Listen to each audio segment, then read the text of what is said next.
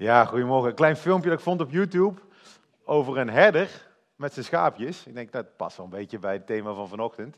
Dat uh, heel bijzonder, mensen maken geluiden, hè? rare toeristen die staan daar met een camera en jakkie, jakkie, jakkie te roepen. En die beesten die reageren helemaal niet. En de, de herder komt en ze kijken niet op die schapen van die afstand. Maar hij roept ze, ze herkennen zijn stem en ze komen meteen naar hem toe. En uh, daar gaan we vandaag over verder. Vandaag gaan we verder met de zevendelige serie Wie is Jezus? En uh, ik denk dat als je in ons land woont, als je in Nederland woont, als je hier opgegroeid bent, dan kom je er niet aan dat je ooit een keer de naam Jezus gehoord hebt. Uh, mensen vloeken met zijn naam, maar je hoort misschien ook wel over Jezus van Nazareth. Rond kerst hoor je wat dingen. En heel veel mensen, ook in Nederland, die, die geloven best dat er een persoon was, Jezus, die 2000 jaar geleden in Israël gewoond heeft. Uh, sommige mensen denken dat hij een heel wijs man was. Uh, andere mensen denken dat hij een uh, goede leraar was, met, waar, je, waar je heel veel dingen van kan leren. Maar bij de brug geloven wij dat Jezus de zoon van God is. En ik hoop dat je door deze serie heen en door alles wat je, wat je hoort van hem, dat je er ook van overtuigd wordt. niet zozeer dat, dat ik je wil overtuigen, dat, dat gaat me ook niet lukken, denk ik. Maar we hopen dat Jezus jou gaat overtuigen. En daarom kijken we ook in deze verhalen niet naar wat andere mensen allemaal over Jezus geschreven hebben, maar we kijken naar wat Jezus over zichzelf zegt. En dat doen we aan de hand van zeven statements die opgeschreven zijn door een, door een vriend van hem, een, een tijdgenoot van hem. En iedere keer zegt Jezus, ik ben. En we hebben nou al, dit is de vierde keer, we hebben het gehad over dat hij zei dat, dat hij het licht was, dat hij brood was en dat hij de deur was. En vandaag gaan we het hebben over dat hij zegt dat hij de goede herder is. Vandaar ook het filmpje. Waar denk je aan als je aan een herder denkt? Aan schapen, denk ik. Tenminste, als ik aan herders denk, denk ik aan schapen. En schapen zijn niet op het spectrum van intelligentie, zijn die niet de meest slimme beesten, volgens mij. Als je op YouTube of op, uh, op, op Google wat googelt op schapen, dan kom je heel veel hele maffe foto's tegen van schapen. En als je nog wat onderzoek doet, dan zie je dat schapen ook hele domme dingen doen. Als we dus vandaag beginnen met Jezus die zegt dat hij de goede herder is, en we gaan die tekst openslaan, en ik zeg straks dat jullie de schapen zijn, wij de schapen zijn, dan kan je dat gevoel bekruipen dat hij het misschien over jou heeft. En dat hij iets over jou te zeggen heeft, dat jij misschien een dom schaapje bent. En misschien vind je dat niet zo fijn om te horen. Dan ga ik niet zeggen dat hij daar ongelijk in heeft, want dat weet ik niet. Maar de tekst, en dat vind ik wel belangrijk om mee te starten, de tekst gaat niet primair over jou. De tekst gaat over Jezus. En het doel van de tekst is ook niet om iets over jou te zeggen, over jouw intelligentie of hoe slim of hoe dom jij bent. De tekst gaat over het karakter van God, over het karakter van Jezus. Over de liefde en zorg die God voor ons allemaal heeft. Dus ik hoop dat ze zo meteen de Bijbel open doen en gaan lezen, dat je met dat filter gaat luisteren. Laten we daarop richten vanochtend. Laten we dat vieren ook met elkaar.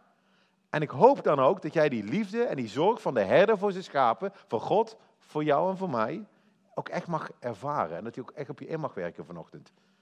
En uiteindelijk je ook diep van binnen mag raken en je mag veranderen. Ik ga lezen waar we de vorige keer gestopt zijn. Ik had vorig jaar gezegd, het, beeld van Jezus die zegt dat hij de deur is en de herder liggen, lagen heel dicht bij elkaar in hetzelfde stukje tekst. En we eindigden de vorige keer bij het beeld van een schaapskooi, een muur, met daarop een opening, waar de schapen in zaten. En waar Jezus zei, ik ben de deur. En door de deur kom je naar binnen. In je programma staat, uh, staat de tekst. Er liggen ook bijbels op de tafel. Als je geen bijbel hebt, of je wil graag een, een nieuwe bijbel, die liggen hier om mee te nemen. Die mag je gewoon pakken en meenemen. We gaan lezen. In Johannes hoofdstuk 10, de dief komt alleen maar om te stelen, te slachten en verloren te laten gaan. Jezus zegt, ik ben gekomen opdat ze leven hebben en overvloed hebben. Weet je, er staat heel veel in de tekst, ook in de komende zinnen, over God en, God zorgt voor ons. En eh, het is goed om, ik lees nu nou een kleine stukjes, maar om hem van de week nog een keer tot je te laten doordringen, om die helemaal te lezen. Jezus gebruikt hier een metafoor, een beeld. Hij wil iets aan ons vertellen. En hij zegt, zoals een herder voor zijn schapen zorgt, zo wil God ook voor ons zorgen. En hoe doet hij dat dan? Nou, hij zegt hier in het begin, ik ben gekomen om leven te geven in overvloed. In, in, een andere vertaling staat, ik kom om leven te geven in al zijn volheid. Niet, niet een klein beetje leven, niet een saai leven, hè, soms hebben we dat beeld, maar een leven in overvloed. En dat betekent niet dat je alles krijgt wat je wil, hè? want ik, oh, ik wil graag een Porsche, ja dat kan, hè? maar wel dat God gekomen is om alles te geven wat je nodig hebt. Jezus is gul, hij zorgt voor zijn schapen. Hij geeft ze alles wat ze nodig hebben. En dat is een belofte. En dat is ook een hele belangrijke belofte. Want er zijn zoveel momenten in, in, in jouw leven, en ik herken ze ook enorm in mijn leven, dat ik dat vergeet. Dat ik denk, God geeft niet om me. Dat ik denk, het leven is moeilijk, waar, waar is God? Hij is weg. Misschien kom je hier en ben je op zoek naar God en, en wil je meer weten over Jezus. En dan denk je, ja, waarom, waarom zou ik die Jezus gaan volgen? Waarom zou ik dat doen? Het, gaat misschien best wel goed met je. Het is best wel spannend om Jezus te volgen. Waarom, waarom zou ik dat doen? Dan staat hier, als je mij volgt, heb je leven in overvloed. Leven in al zijn volheid. Wauw. En ik zou ze willen aanreiken, pak deze tekst, onderstreep hem, pak hem mee naar huis, leg hem op je nachtkastje. Als je komende week wat moeilijker hebt, of, of er zijn momenten, pak die tekst erbij. En vraag God. God die staat dat ik leven heb in overvloed. Ik wil dat leven. Waar Jezus over spreekt. Dan gaat Jezus verder en hij, hij, hij, hij, hij gaat nu die zin gebruiken. Ik ben de goede herder, zegt hij. En de goede herder geeft zijn leven voor de schapen. Maar de huurling, en wie geen herder is, die de schapen niet tot eigendom heeft, ziet de wolf komen en laat de schapen in de steek. En hij vlucht. En de wolf grijpt ze en drijft de schapen uiteen. De huurling vlucht, omdat hij een huurling is en zich niet om de schapen bekommert. Jezus vergelijkt nou twee dingen. Een huurling, iemand die ingehuurd is om te babysitten op de schapen. En de goede herder. En hij zegt het verschil tussen die twee is, de huurling heeft geen band met de schapen. De huurling is niet geïnvesteerd in de schapen. De huurling heeft geen schapen. Het zijn schapen van een ander waar die op past. Maar de herder heeft schapen. In eigendom staat er. De herder is persoonlijk betrokken. Jezus zegt, ik doe alles voor mijn schapen. Een huurling zal altijd zijn eigen leven kiezen boven dat van andermans spullen. Hij zal vluchten. Maar de herder die persoonlijk ook afhankelijk is van die schapen, die eigenaar is van de schapen, die de schapen kent, van de schapen houdt, zal zijn schapen nooit in de steek laten. Hij zal ze beschermen, ook al kost dat zijn leven. Nou, dit is best wel een statement van Jezus, hè, dat hij zegt, ik ben een herder, jullie zijn schapen en ik ben een goede herder.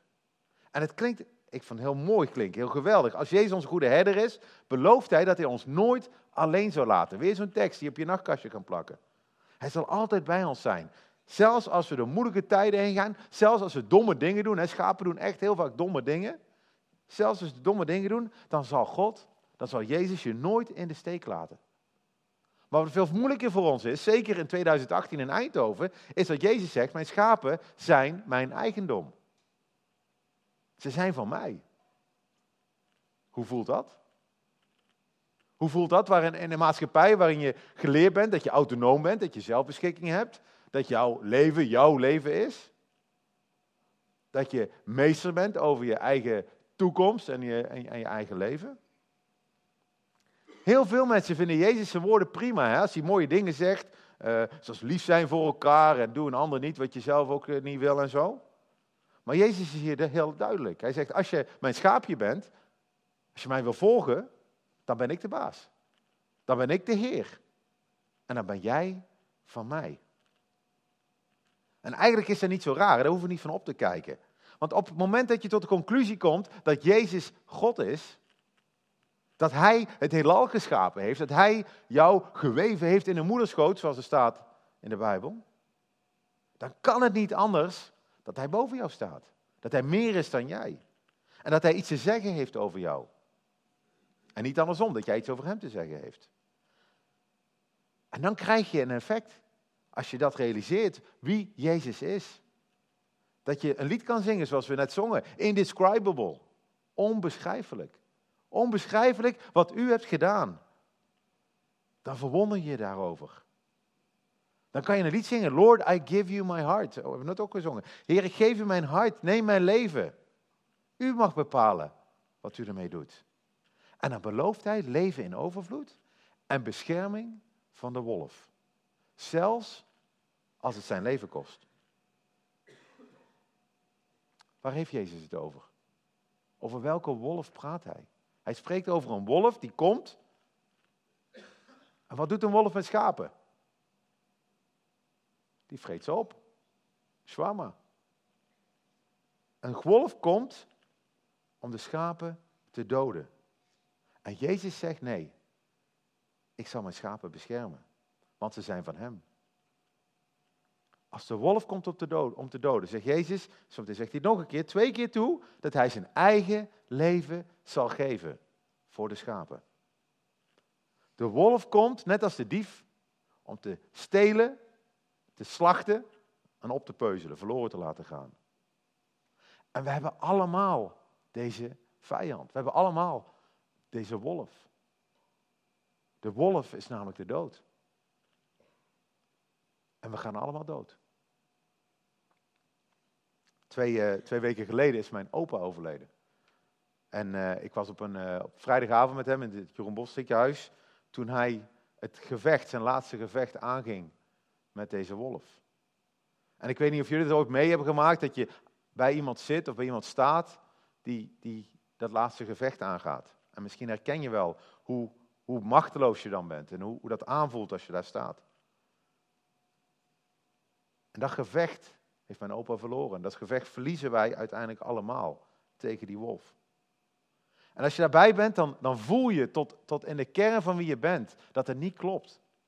Dat we niet gemaakt zijn voor een leven. Mijn opa is 99 geworden, denk je, wauw, geweldig. Maar het is zo kort.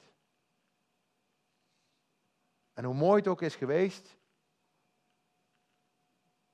diep van binnen ervaar ik ook weer dat, we, dat dit niet oké was, dat hij doodging. Dat we gemaakt zijn voor iets veel groters. Dat we gemaakt zijn voor de eeuwigheid. En daarom is het ook zo lastig om afscheid te nemen van iemand.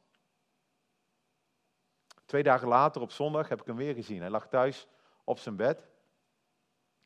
Zijn handen waren ijskoud. En opa zat er niet meer in. Opa was weg. En de wolf leek even gewonnen te hebben. Maar Jezus zegt hier, als je bij mij hoort, als je mij volgt, als jij mijn schaap bent, dan kan de wolf wel gommen, maar hij zal niet overwinnen. Want ik geef mijn leven voor mijn schapen. Ik zal ze beschermen. De woord zal niet het laatste woord hebben. Hij zegt niet, ik voorkom dat er, dat, je, dat er rare dingen in je leven gebeuren of dat er nare dingen gebeuren in je leven. Hij zegt niet, ik ga voorkomen dat je een keer ziek wordt of, of, of dat je ellende meemaakt. Hij geeft daar wel om, hè? En hij doet hem wel wat. Maar waar het hier over heeft, is over de dood. Jezus belooft dat hij de dood zal overwinnen en ons eeuwig leven zal geven in overvloed. En hoe doet hij dat? En misschien heb je dit nog nooit gehoord. En daarom vind ik het ook belangrijk om vaak op zondag hierover te hebben. Iets wat wij noemen het evangelie, het goede nieuws. Een boodschap. Een mooie boodschap die wij als brug graag aan iedereen in Eindhoven en omstreken willen vertellen. De kern van wat wij geloven, dat Jezus 2000 jaar geleden gekomen is. Dat hij een perfect leven geleefd heeft. Perfect. Perfecte gehoorzaamheid aan God. Dat hij verzocht is, verleid. Net als jij en ik. Maar hij heeft niet toegegeven. En op het eind van zijn leven, en daar gaan we paas over nadenken, is hij onschuldig, onschuldig aan een kruis geslagen. En heeft hij, is hij niet alleen gestorven daar, maar hij heeft ook de straf van God in onze plaats, voor ons, voor zijn schapen, op zich genomen. Een rechtvaardige straf. En dat vinden we heel lastig. Een straf die wij verdienen voor alle dingen die we iedere dag door weer fout doen. Iedere dag zijn er momenten dat ik, dat jij niet gehoorzaam zijn aan God. Dat we dingen doen waarvan we eigenlijk weten dat we dus niet zouden moeten doen. En dat we niet de dingen doen die we eigenlijk wel zouden moeten doen. Iedere dag. Kijk maar eens in je eigen leven. Kijk maar terug naar de afgelopen paar dagen. Ik heb dat heel vaak op de, de weg al, als ik een auto rijden ben. Er gebeuren verschrikkelijke dingen die ik eigenlijk niet zou moeten doen. Dat ligt natuurlijk altijd aan die andere mensen. Maar hoe vaak betrap je jezelf erop? Dat je niet handelt zoals je zou willen handelen. En dat je graag anders zou willen handelen, maar dat ook weer niet doen. Maar door het offer van Jezus, doordat Hij op het kruis gestorven is voor jou en voor mij, kijkt God naar ons en Hij ziet niet mijn tekortkomingen. Hij kijkt mij aan en Hij ziet mij als een perfect, onberispelijk, smetteloos, onbevlekt persoon. Raar hè? Omdat Jezus zijn perfectie, zijn onschuld aan mij en aan jou heeft gegeven. Dit moet je eerst snappen. Dit moet je eerst voorstellen. Dat Hij zijn perfectie aan jou gegeven heeft. Maar daarna moet je het ook voor kunnen stellen. En geloven in je hart. Geloof jij dat God, als hij naar jou kijkt en hij weet alles wat jij gedaan hebt de afgelopen dagen, alles wat je gedaan hebt in je leven, alles wat jou aangedaan is, dat hij naar je kijkt en hij ziet jou als smetteloos. Is niet te bevatten. En om dat nog eens een keer te onderstrepen, herhaalt Jezus zich. Hij zegt nog een keer, ik ben de goede herder en ik ken de mijne en ik word door de mijne gekend. Zoals de Vader mij kent en ik de Vader ken. Ik geef mijn leven voor de schapen. En wie zijn die schapen? Niet alleen de mensen tegen wie hij sprak. Hij sprak toen voor Joodse mensen hè, in, in, in het jaar nul. Die dachten al van ah, wij zijn het volk van God, wij zijn de Joden, wij zijn het volk van God. Wij zijn uniek. En dan zegt Jezus dit, ik heb nog andere schapen. Die niet van deze schaapskooi zijn, ook die moet ik binnenbrengen. Ze zullen mijn stem horen. En het zal worden één kudde en één herder. Hij zegt, mijn kudde schapen is niet alleen jullie, niet alleen de schaapskooi in het jaar nul, de Joden. Mijn kudde schapen, zegt hij ergens anders, komt uit elke stam, elke natie, elk ras. Ik moet ze binnenbrengen. Ik moet ze binnenbrengen. En het gave is, dat doet hij vandaag nog. Wij zijn onderdeel met, van de brug met, met een netwerk van kerken wereldwijd. En ik hoor continu verhalen. Wereldwijd wordt die kudde groter. Jezus is nog steeds bezig om zijn schapen binnen te brengen. In Afrika, in Azië, in Amerika, in Australië en ook hier in Europa. Geweldig. Want als je hier de zaal rondkijkt, dan zie je allemaal blanke wattenstaafjes. Hè? Ja, dat is gewoon. Wij zijn niet van iedere ras, iedere natie. Iedere, wij zijn niet zo'n kleurrijke gemeente. Hè? Maar weet je wat het grootste christelijke land ter wereld gaat worden binnenkort? Enig idee? Oh, jullie kunnen lezen. Ja. Ja. China. China wordt het grootste christelijke land ter wereld. Een plek waar je niet eens een kerk mag starten. Een plek waar je niet zoals wij vandaag veilig bij elkaar kan komen op zondag. Een plek waar je niet eens in het openbare vooruit mag komen dat je Jezus volgt boven de overheid. In dat land groeit het christendom als kool. Is Jezus bezig om zijn schapen binnen te brengen? Want, zegt hij, ze zijn van mij. Geen wolf die mij tegenhoudt, geen dictator in China. Ook niet hier in Eindhoven. Jezus is bezig zijn schapen binnen te brengen. En de vraag die ik voor jou heb vandaag is, ben jij daar één van? Ben jij één van die schapen die Jezus binnenbrengt of gebracht heeft? Ben je onderdeel van deze kudde? Hoor jij de stem van Jezus, zoals die schapen in de video de stem van de herder hoorden en herken je hem? Als we de Bijbel open doen, spreekt hij tot jou. Hoor je daar niet mijn woorden, niet Maarten's stem, maar hoor je daar de stem van God doorheen? Voel je vanochtend dat God aan jouw hart aantrekken is? Dat Hij je graag wil thuisbrengen? Ik hoop het. Hoe ga je daarop reageren? Als ik net die boodschap heb gegeven dat Jezus voor jou, op jouw plaats, aan dat kruis gestorven is. Als Jezus tegen je zegt, ik ben de goede herder, ik ben op zoek naar mijn verloren schapen, ik ga ze binnenhalen, ik ben op zoek naar jou en mij, ik ben voor jou gestorven. Ik heb de wolf overwonnen. Hoe reageer je daar dan op? En ik, ik herken tenminste drie manieren waarop mensen reageren. En de eerste twee die ik ga noemen zijn niet uh, degene die je zou moeten doen. Zijn uh, niet de bedoeling, maar de, de laatste wel. De eerste manier waarop mensen vaak reageren is, dit is niet voor mij. Dit is niet voor Ik snap jou, Maarten. Ik snap dat Jezus gestorven is voor de brave mensen op de wereld. Ik snap dat Jezus gestorven is voor, voor een hoop mensen. Maar ik kan me niet voorstellen dat als God naar mij kijkt, dat Hij mij ziet als smetteloos. Ik accepteer dat niet. Het is misschien leuk voor jou, Maarten, dat dat voor jou geldt. Hè? Maar voor mij geldt dat niet. Jij weet niet wat ik gedaan heb in mijn leven. Jij weet niet wat mij aangedaan is in mijn leven. No way dat God zo naar mij kijkt.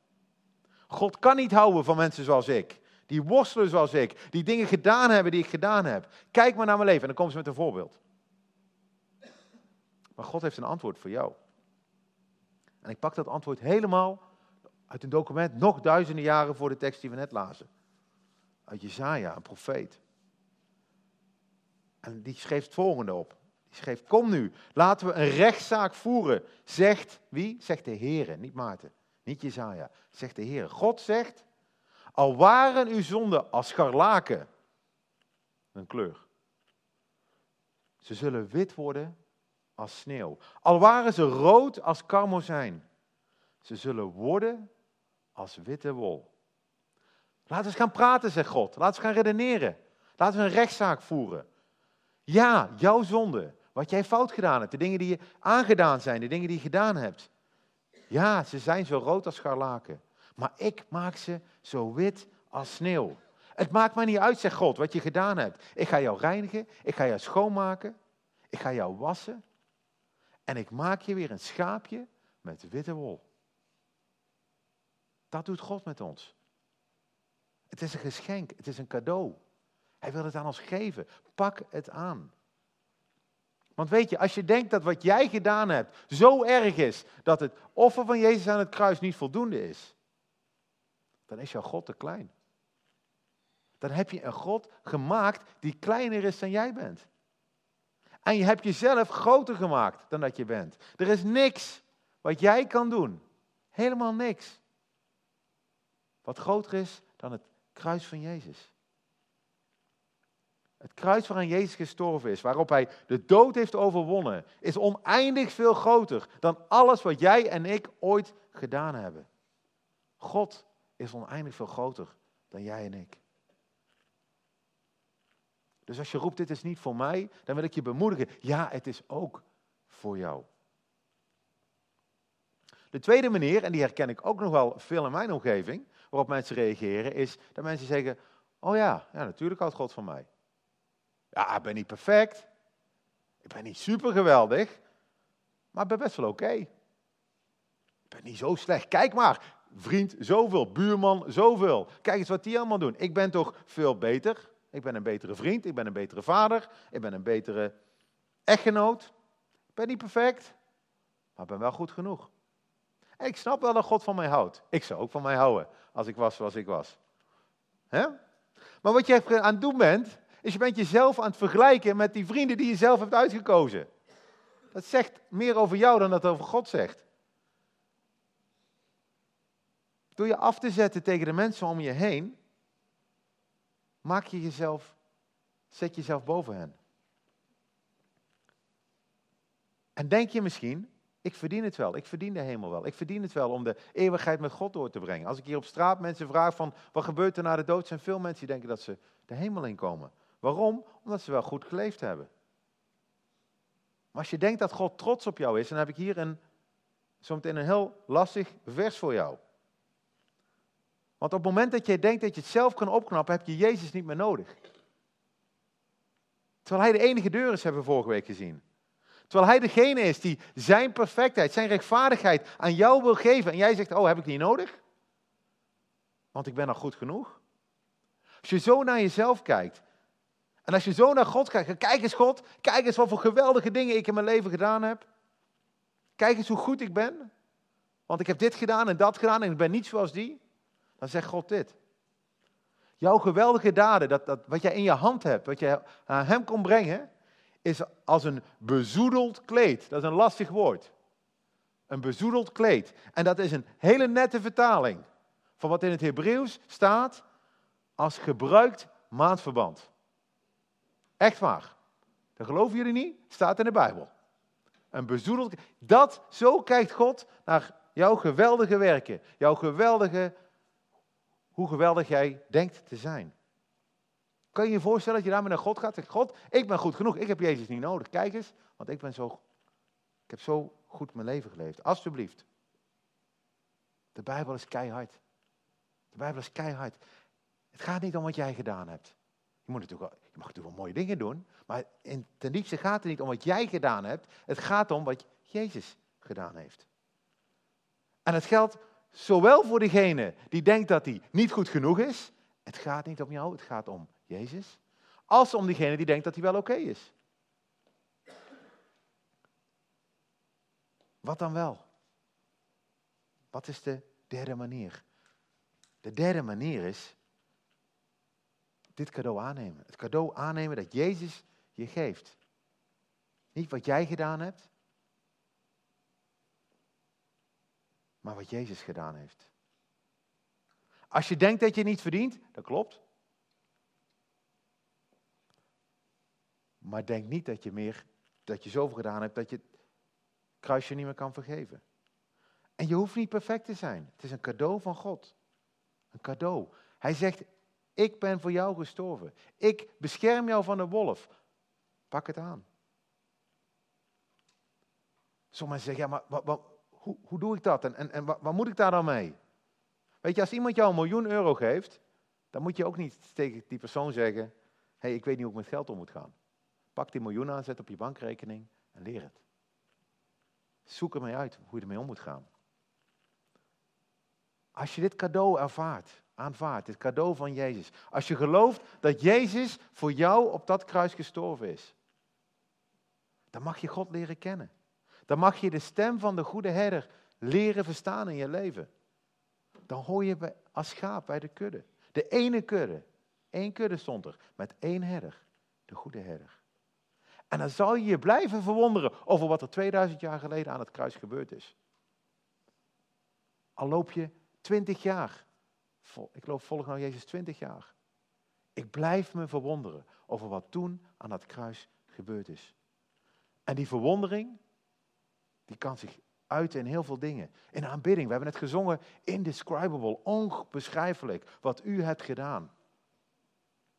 Als de Bijbel dan open gaat, dan hoor je zijn stem. Dan hoor je de stem van de goede herder. En dan kan je leren om jouw leven af te stemmen op wat de goede Herder met je voor heeft.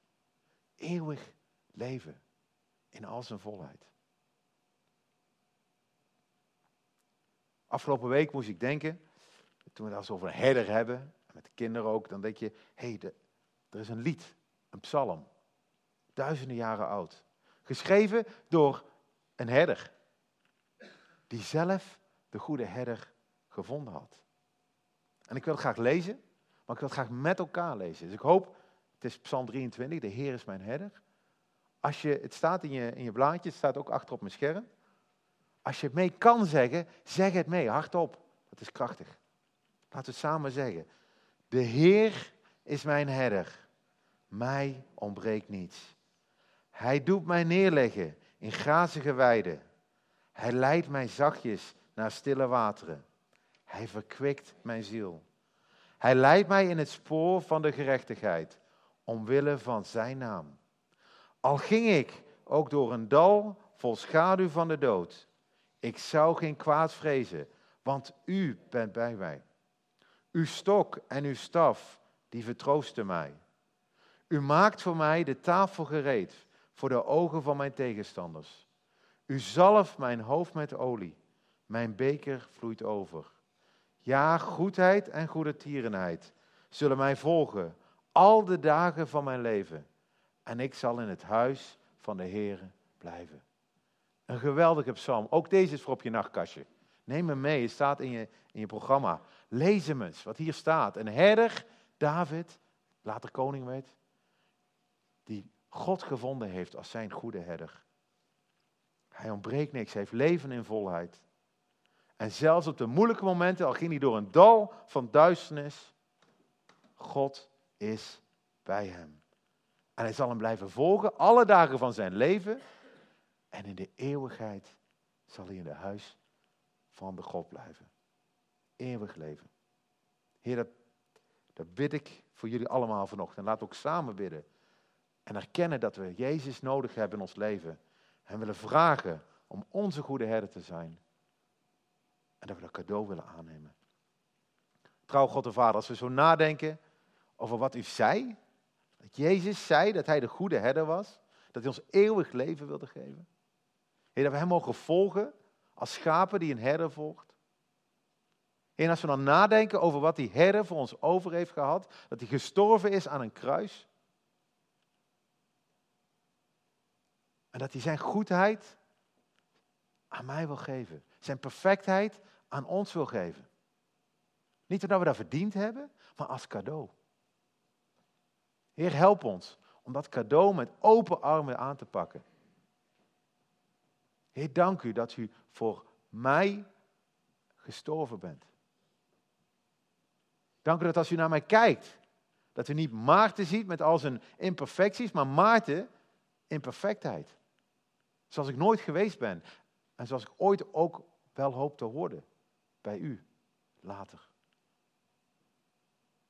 Heer, dank u dat u mij niet toerekent alle dingen die ik fout heb gedaan. Alle dingen die ik anders had willen doen. Maar dat u naar mij kijkt en met alle liefde dat u voor uw zoon heeft, mij aanschouwt. Heer, help ons allemaal hier vandaag om ons leven in uw hand te leggen. En dit ervaren, niet alleen rationeel, maar juist diep van binnen.